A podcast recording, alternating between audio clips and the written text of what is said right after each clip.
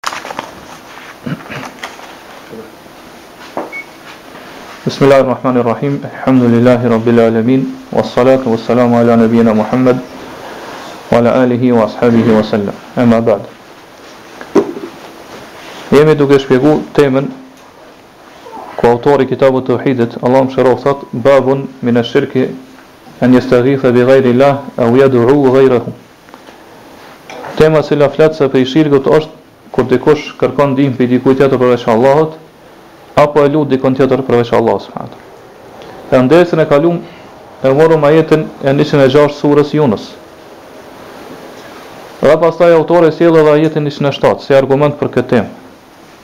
Disa dietarë Kur flasin për argumentet që i sjell autori nën këtë temë, këto dy ajete i sjellin si një argument të përbashkët. Prandaj thonë autori ka sjellë në këtë temë katër ajete si argument. Kurse disa dietar këto dy ajete i ndajnë.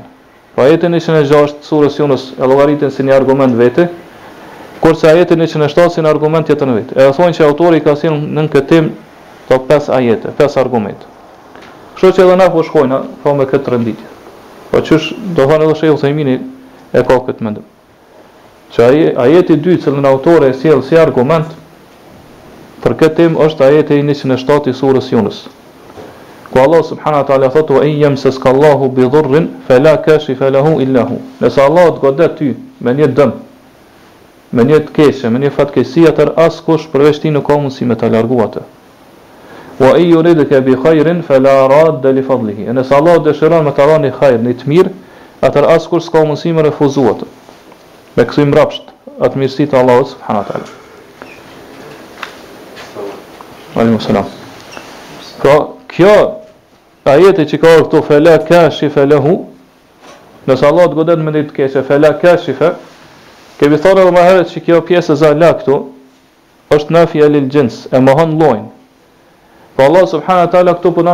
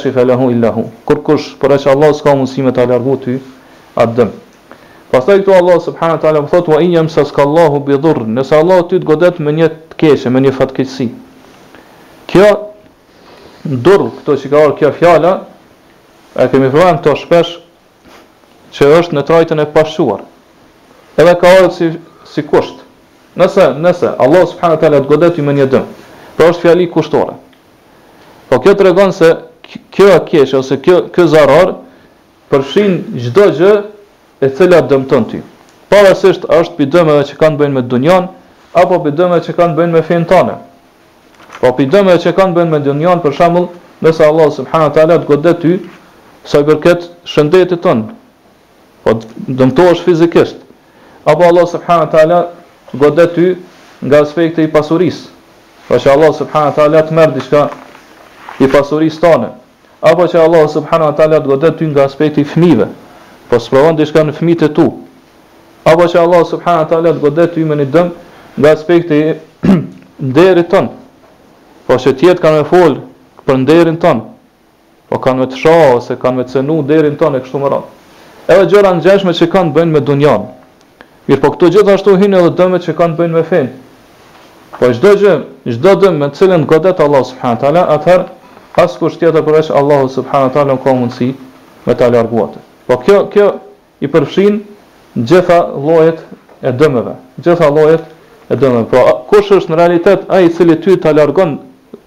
dëmin që të ka godit, pra ai është i vetë, Allahu subhanahu wa taala është i vetmi. Pra sprova me të cilën ti je godit, askush tjetër në realitet nuk ka mundësi me ta largu atë sprovë përveç Allahut subhanahu wa taala. E nëse ndodh ndonjëherë që dikush prej krijesave me të ndihmu ty, me ta largu ty një të keqe, me ta largu ty një, një fatkeqësi, ose një vështirësi e kështu me radhë, atër kjo ndodh me lejen e Allahut subhanahu wa taala.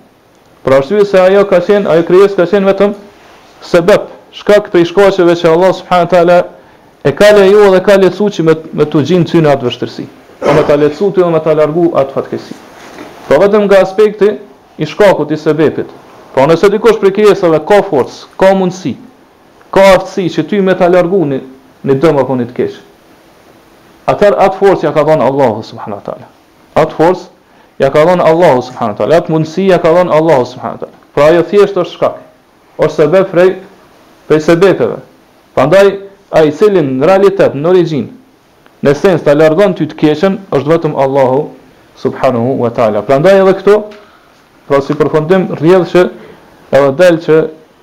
Kjo është përshtatshmëria e këtij ajetit që e ka sjellë autori dhe lidhshmëria me temën.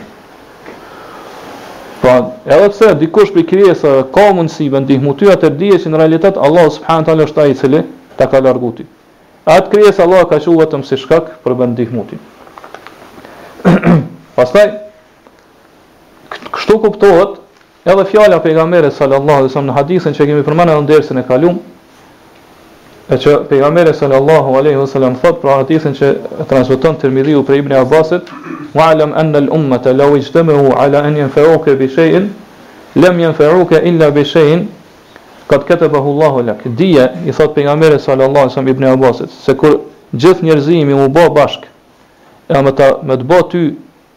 me ta sjellë një dobi, nuk kanë mundësi me ta sjellë atë dobi veçse aq sa ka caktuar Allahu për ty, aq sa ka shkruar Allahu subhanahu wa taala për ty. S'kanë mundësi me të bë dobi më shumë.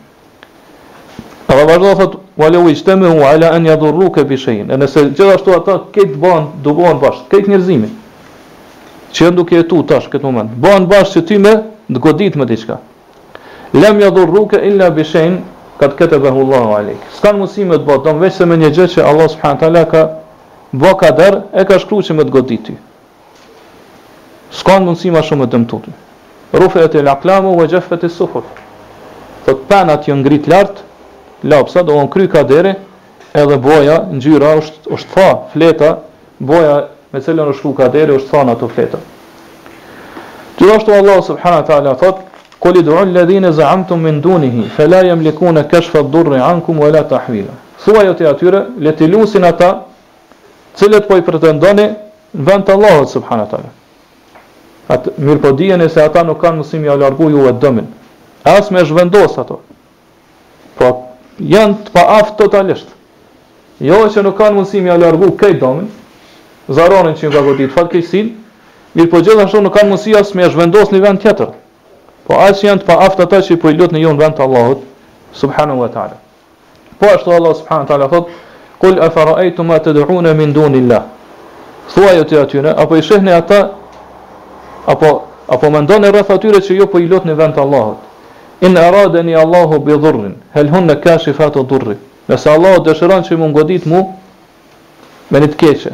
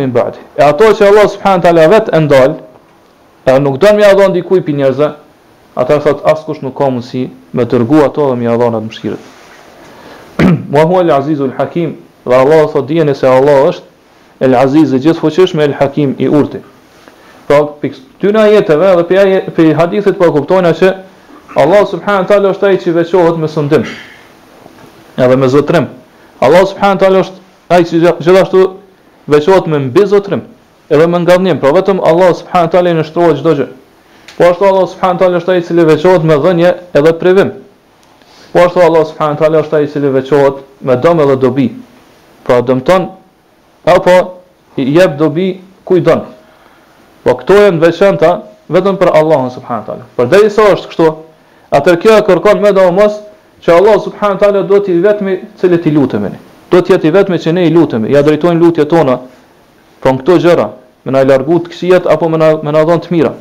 Pra Allahu subhanahu wa taala është i vetmi që ne duhet ta adhurojmë atë. Pra këto gjëra janë të cilat e kërkojnë njëra tjetrën domosdoshmërisht. Po nuk ka mundësi që njëra me u nda prej tjetrës.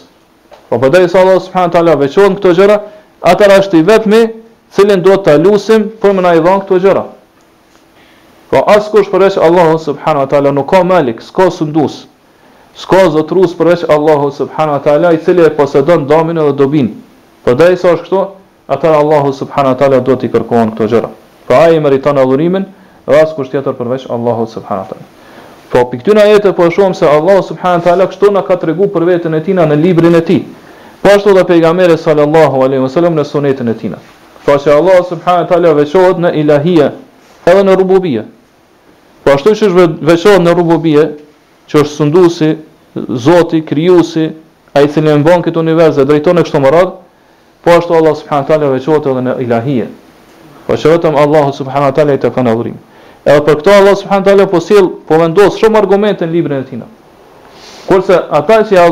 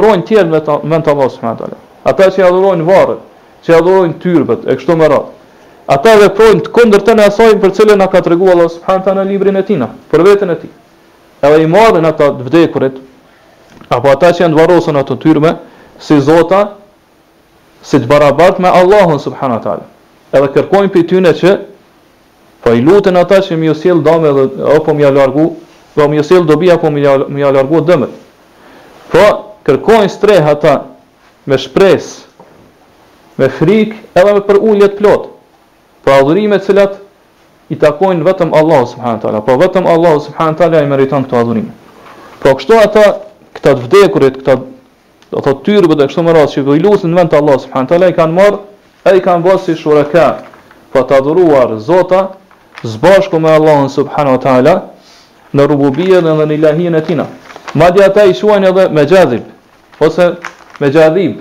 Po kjo e ka kuptimin që ata po tërhekin edhe sjellin dobi, edhe i, lar, i largojnë të këqijat. Kështu pra i quajnë ata të cilët i adhurojnë në vend të Allahut subhanahu taala. Edhe besojnë se ata kanë mundësi me ndiku edhe me vepru në mënyrë të pavarur, të pakufizuar në në këtë univers. Edhe thonë se kjo është keramet që Allahu subhanahu taala jua ka dhënë atyre.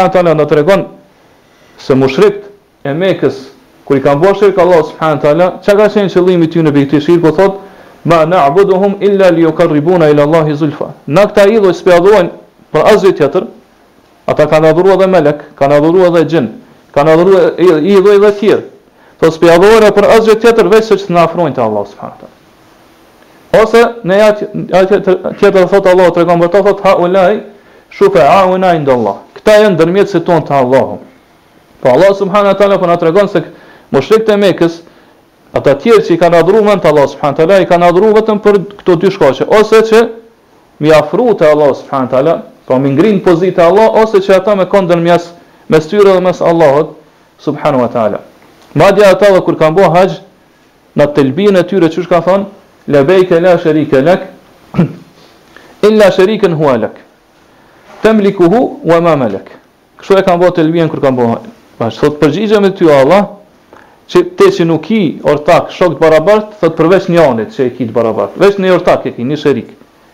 Mirëpo thot edhe me gjithë, thot ti e zotron ata dhe çka zotron aj. Po kështu ata kanë kanë besu për Allah, subhanahu taala, që Allahut i takon zotrimi edhe sundimi i plotë. Edhe idhujt që i kanë adhuru në vend të Allah, subhanahu taala,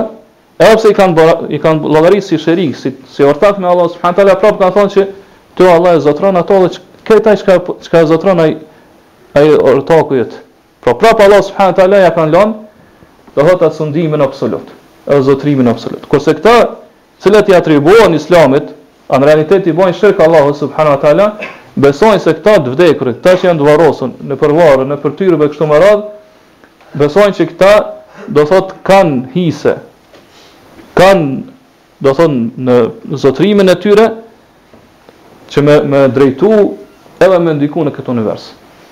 Pra së bashku me Allahun, subhanu wa ta'ala. Edhe çka i kanë bo këta njerës si vend strehë, po i kanë bo strehë ku ata i kërko, kërkojnë mbrojtjen e tyre pra prej gjërave që nuk i pëlqejnë, apo strehë ku ata i kërkojnë dobitë për gjërat që, që i dëshirojnë ata. E ne themi, pra qysh ka thonë Allahu, subhanu, subhanu wa ta'ala, subhanu Allahi amma jushrikun. Allahu është shumë i lartë, i lartësuar prej asaj që ata i bëjnë shirk Allahut,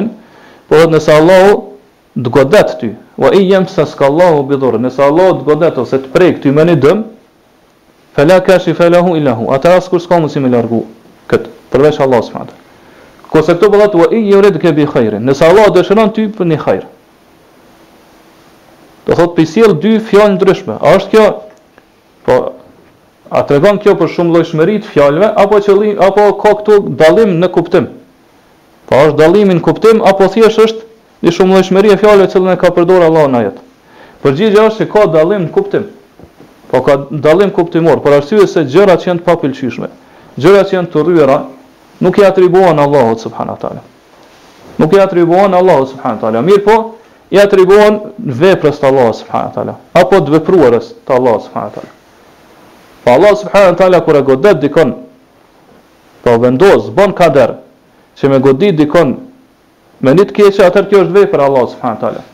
Kurse kur ndodh ky dëmi, pra realizohet edhe ndodh, atëherë kjo në arabisht quhet mef'ulat. Pra është prej të vepruarave të Allahut subhanahu teala. Prandaj, për me kuptu këto më mirë themi që Allahu subhanahu teala nuk e dëshiron dëmin për vetë dëmin që është si dëm. Pra Allah subhanahu teala nuk e dëshiron të keqen si të keqe. Mirëpo Allah subhanahu teala e bën kader, me ndodh e keqja,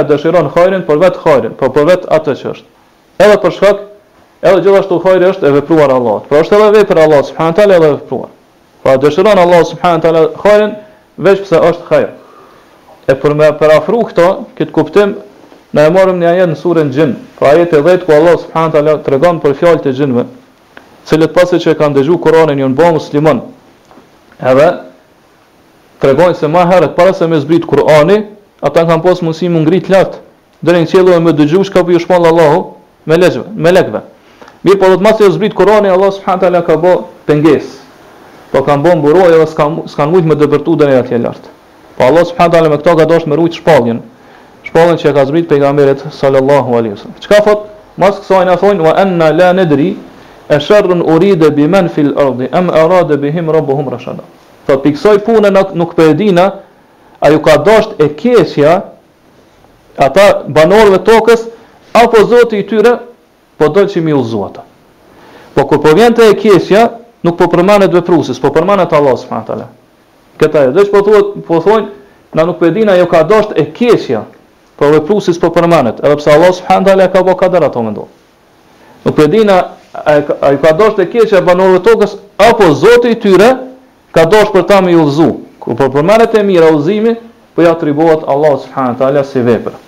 Prandaj, nëse njeriu për shembull goditet me një sëmundje, atëherë Allahu subhanahu wa taala nuk e ka dashtë këtë sëmundje veç pse është sëmundje, pra këtë dëm, këtë zarar nuk e ka dashtë me të godit ty, s'e ka dëshiruar këtë veç pse është dëm, vetëm pse është sëmundje. Mirëpo Allahu subhanahu wa taala ka dëshiruar për ty sëmundjen, e cila të godet ty, pra të dëmton, për shkak se prej asaj sëmundje ka dobi, pra në atë sëmundje ka diçka të hajrit, që Allahu subhanahu wa ta'ala e din, po si rezultat i asaj sëmundje gjithsesi ka hajr, ka të mira të shumta. E nganjëherë kjo urtësi e Allahut subhanahu wa ta'ala shfaqet, edhe është e dukshme tek vetë njeriu që goditet me një fatkeqësi. E nganjëherë Do thotë ai nuk e sheh mirëpo e sheh dikush tjetër që është afër tina. Po ai nuk mundet me arrit me di se çfarë rëndësi e pat, pse Allahu subhana wa taala e goditi me këtë të keqe, me këtë fatkeqësi, mirëpo dikush tjetër ka mundësi me ditë. E nganjëherë s'ka mundësi askush me ditë, po e din vetëm Allahu subhana wa taala. Mirëpo na duhet me di se çdo gjë që na godet neve, edhe pse neve nuk na pëlqen, na dëmton, edhe është e keqe për neve, është hajër për neve. Mjafton për shembull te smundja Që ti kur të godet Allahu subhanahu wa taala me një sëmundje ti ja din vlerën e shëndetit.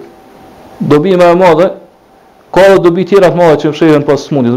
Mirëpo mjafton kjo sikur dobi që ti me kuptu se vërtet mas sëmundjes ka hajr.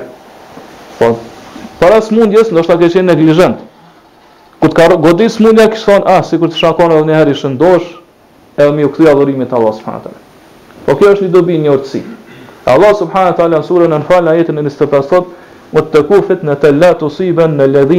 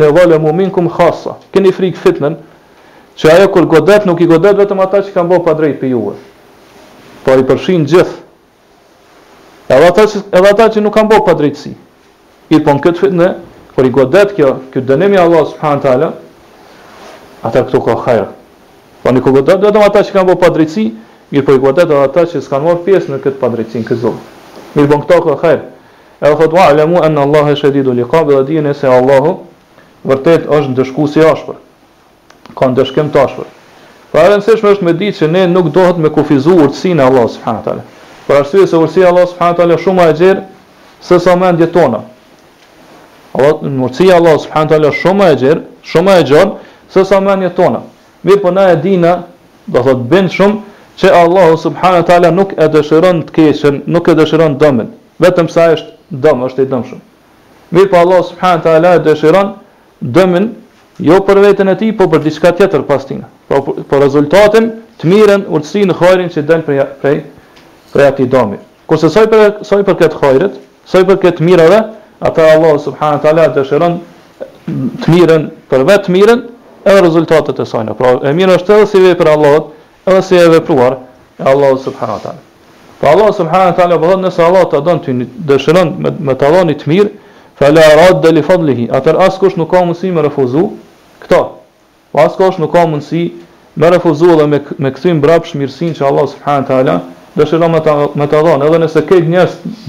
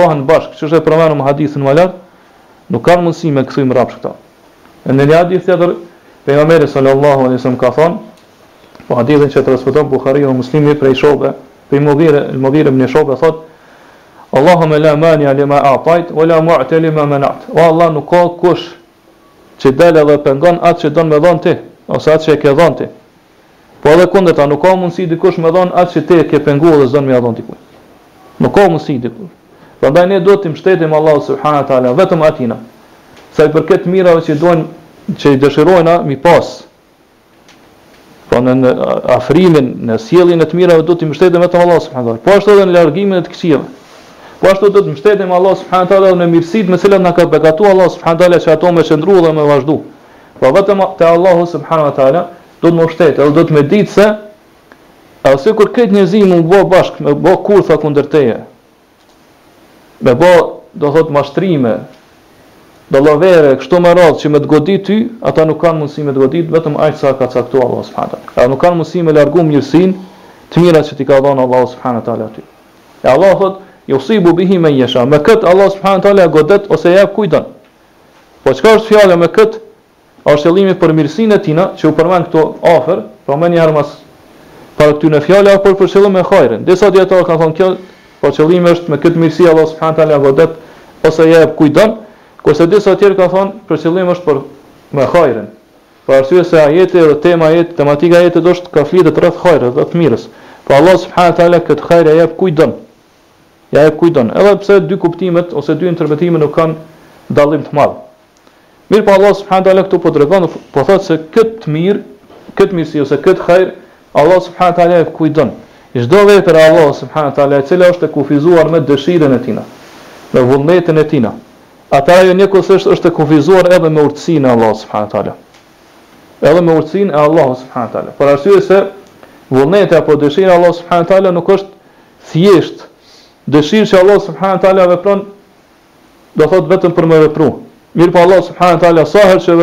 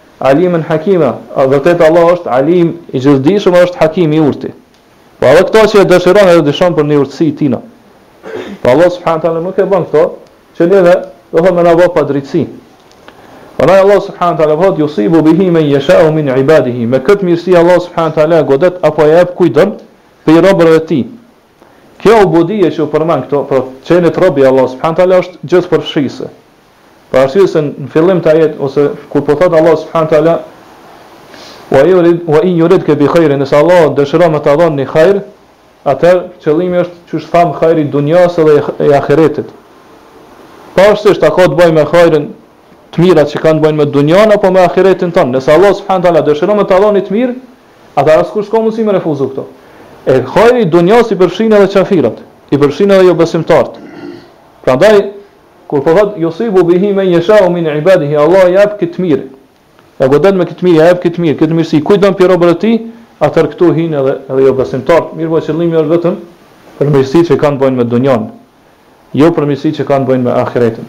Edhe në fund po e përfundon thotë, Wa huwa al-Ghafur ar-Rahim, edhe Allahu është El-Ghafur, edhe Ar-Rahim. El-Ghafur domethënë që ka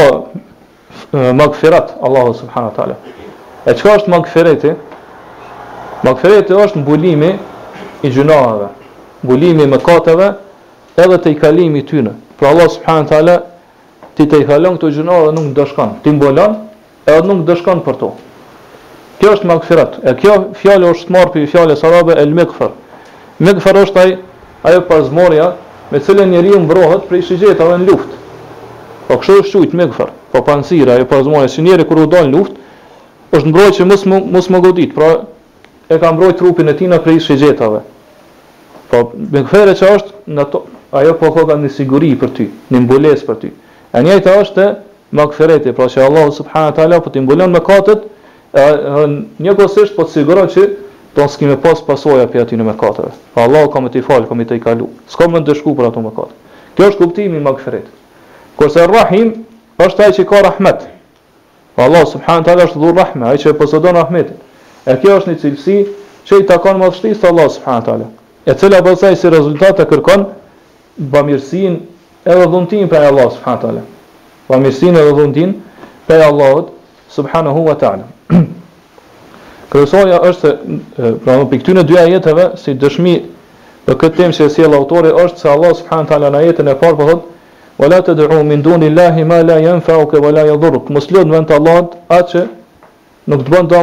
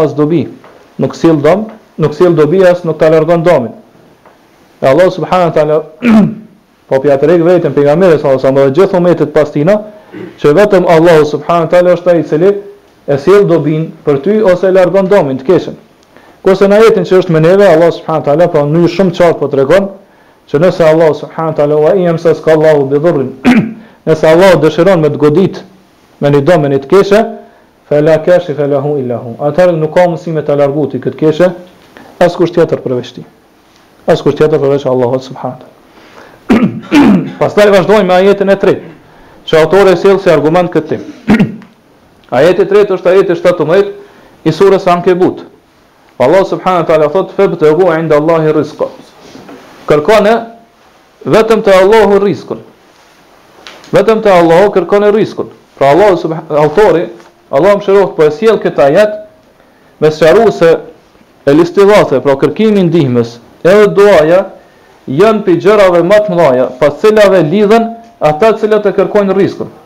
Për arsye se kërkimi i rriskut është qysh e dina prej shkaqeve më të mëdha për me jetu njeriu, me me vazhdu ekzistenca e tij. Ai që nuk ka rrisk, ai vdes, shkatërrohet edhe vdes. Po ashtu nëse Allahu subhanahu wa taala jau ndalon njerëzve për shembull shiun,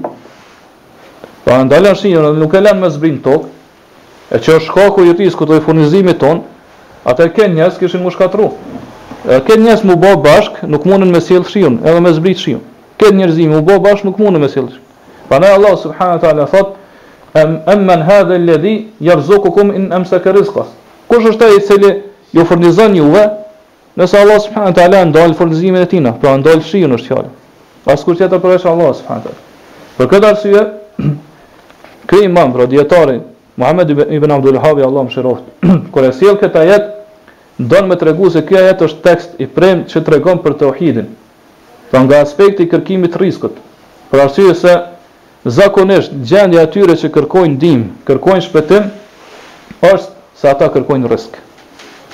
Pra kërkojnë furnizim. Ngase çka është fjala rrisk?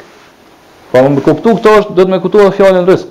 Rrisk është emër i përgjithshëm, i cili përfshin veten e tina çdo gjë e cila do thot është e mirë e dobishme për njeriun. Po e cila do thot është e sakt ose pranohet që mi u dhon apo mi u dhuru, mi u dhuru dikujna. E këtu hyn për shembull shëndeti, hyn siguria, hyn pasuria, ushqimi, shtëpia, kafshët apo mjetet e udhëtimit, çdo gjë që ka nevojë njeriu hyn te rrisku. Prandaj shumica e atyre që kërkojnë ndihmë pi dikujt tjetër përveç Allahut subhanahu wa taala, ose gjendja e zakonshme e tyre është që ata kërkojnë rriskun. Po i kërkojnë nja pi këtyre gjërave, ose kërkojnë shëndet, ose siguri, ose kërkojnë do thot fëmijë, ose kërkojnë nevoja të tjera që pi nevojave të njeriu. Prandaj Allah autori po e sjell këtë ajet për me tregu se ky ajet është tekst i prerë që tregon për tauhidin,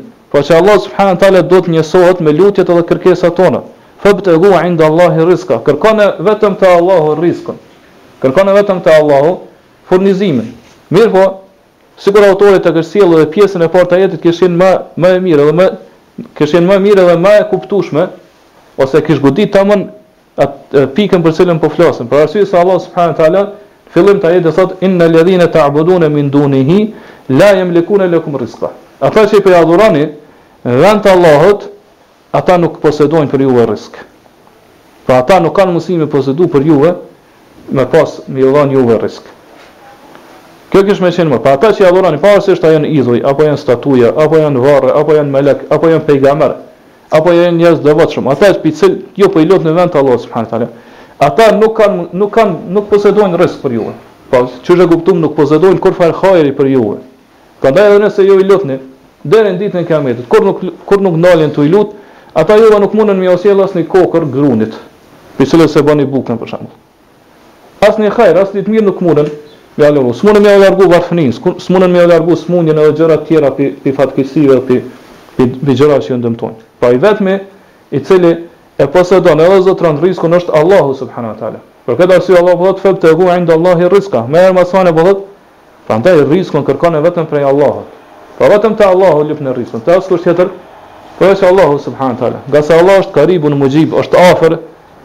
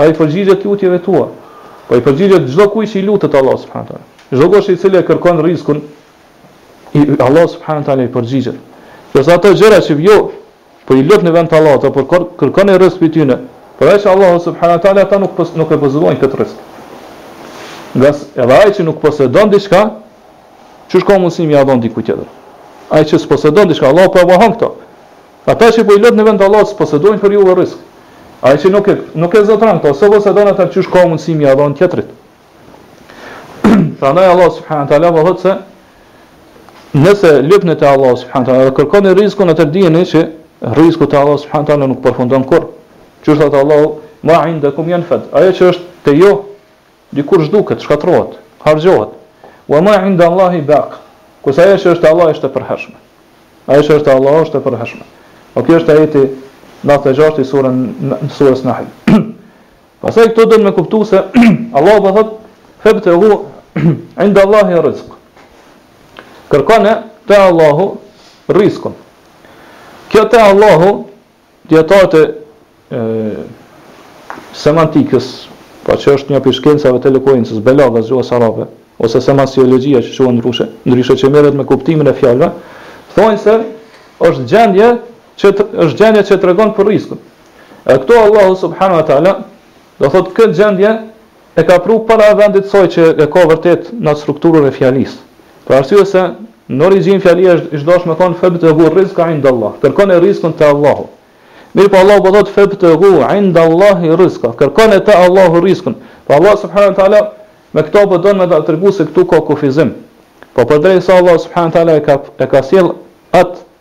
përpara atë që në realitet ish dashtë me kon më vonë, më përmas, atëherë tek dijetarët e semasiologjisë, pra ilmul maani që është shkenca e cila merret me me kuptimet e gjuhës e fjalëve arabe, thonë që kjo tregon kufizim. Pra rrizkun në faktin kur ju e kërkoni rrizkun, pra gjendjen kur ju e kërkoni rrizkun, kërkone vetëm te Allahu. jo te dikush tjetër, për arsye se rrizku është vetëm te Allahu subhanahu wa taala. Ose kuptimi është që kërkimi juaj ta kufizoni dhe ta veçoni, po kërkimi i rrizkut që vjen për juve, duhet ta kufizoni dhe ta veçoni vetëm te Allahu subhanahu wa taala. Kështu e kupton arabi kur e lexon këtë ajet.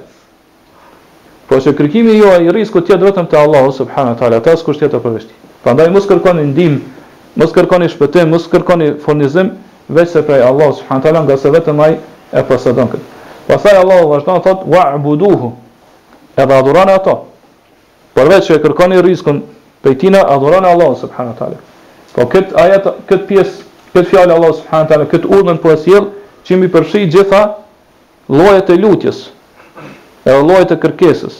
Pra aty po thotë kërkone rrizkun që është duaul mes'ele, lutja e kërkesës që kemi thënë më herët, duaja e lutjes.